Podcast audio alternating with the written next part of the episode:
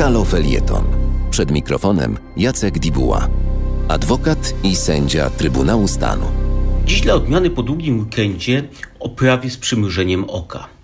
Zasadą jest, że więzienie jest miejscem, do którego nikt nie chce trafić i pobyt w nim traktowany jest jako kara.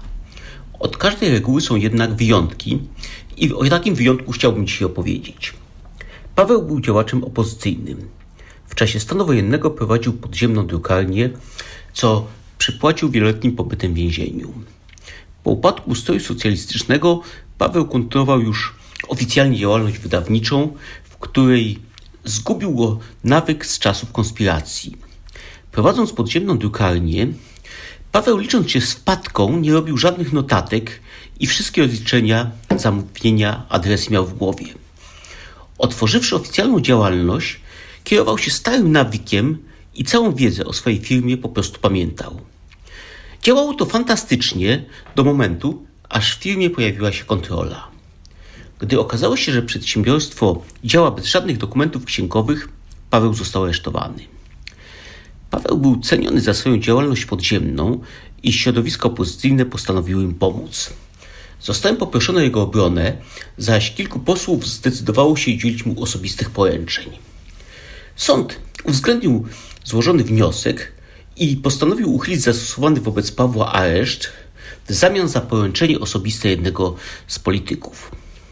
Polityk ten był w kilkudniowej delegacji i do jego powrotu i podpisania poręczenia Paweł musiał pozostać w areszcie.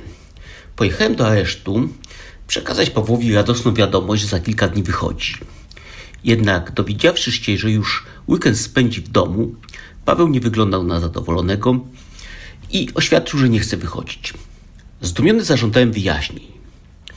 Otóż Paweł trafił do celi, w której siedział Rosjanin o interesującej biografii. Jako młody chłopak należał do rosyjskich jednostek specjalnych i walczył w Afganistanie. Po wyjściu z wojska nabyte umiejętności walki postanowił nadal wykorzystywać i w tym celu związał się z grupą przestępczą.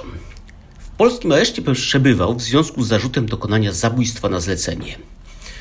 Nudząc się, w celi opowiadał Pawłowi różne historie ze swojej przeszłości. Paweł, posiadający żyłkę literacką, postanowił na podstawie tych opowieści napisać książkę. Na zebranie materiału potrzebnym było jeszcze dwa tygodnie.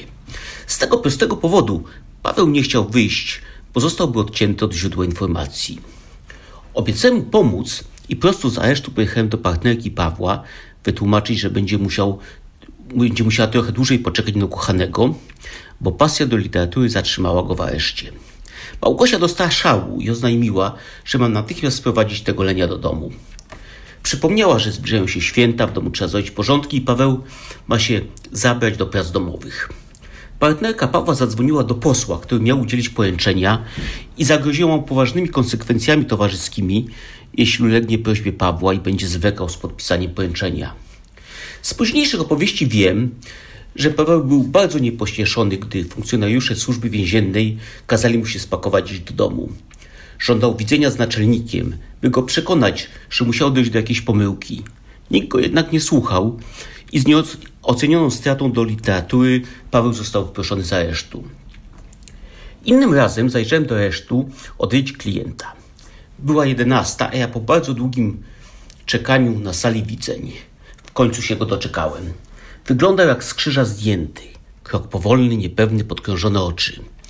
Wyglądał na poważnie chorego i z niepokojem zacząłem dopytywać się o jego stan zdrowia. Nic, ach, nic mi nie jest, wyjaśnił, widząc moją zatroskaną minę. Mieliśmy tutaj wczoraj małą imprezkę. Kolega wychodził na wolność i trzeba było go to uczcić. Zawalowaliśmy do rana i mecenas mnie obudził. O tym, w jaki sposób zdobył używki niezbędne do balangi, dowiedziałem się później z jednego z aktów oskarżenia. Okazało się, że jego przyjaciel, chcąc ulżyć mu w więziennej doli, postanowił zaopatrzyć go w coś, co poprawiłoby mu nastrój. W tym celu mielone mięso, mięso zmieszał z kokainą i usmażył pulpeciki, które w paczce zaniósł do aresztu. Produkt był doskonały i przez długi czas korzystała z niego cała cela. Wpadł w najgłupszy sposób. Przyjaciel znudzony pobytem w areszcie postanowił zostać świadkiem koronnym. Zeznając przed prokuratorem, opisał jak przyjaciel pomagał przetrwać mu ten trudny czas. No i wkrótce panowie zamienili się rolami. Dziękuję Państwu za uwagę.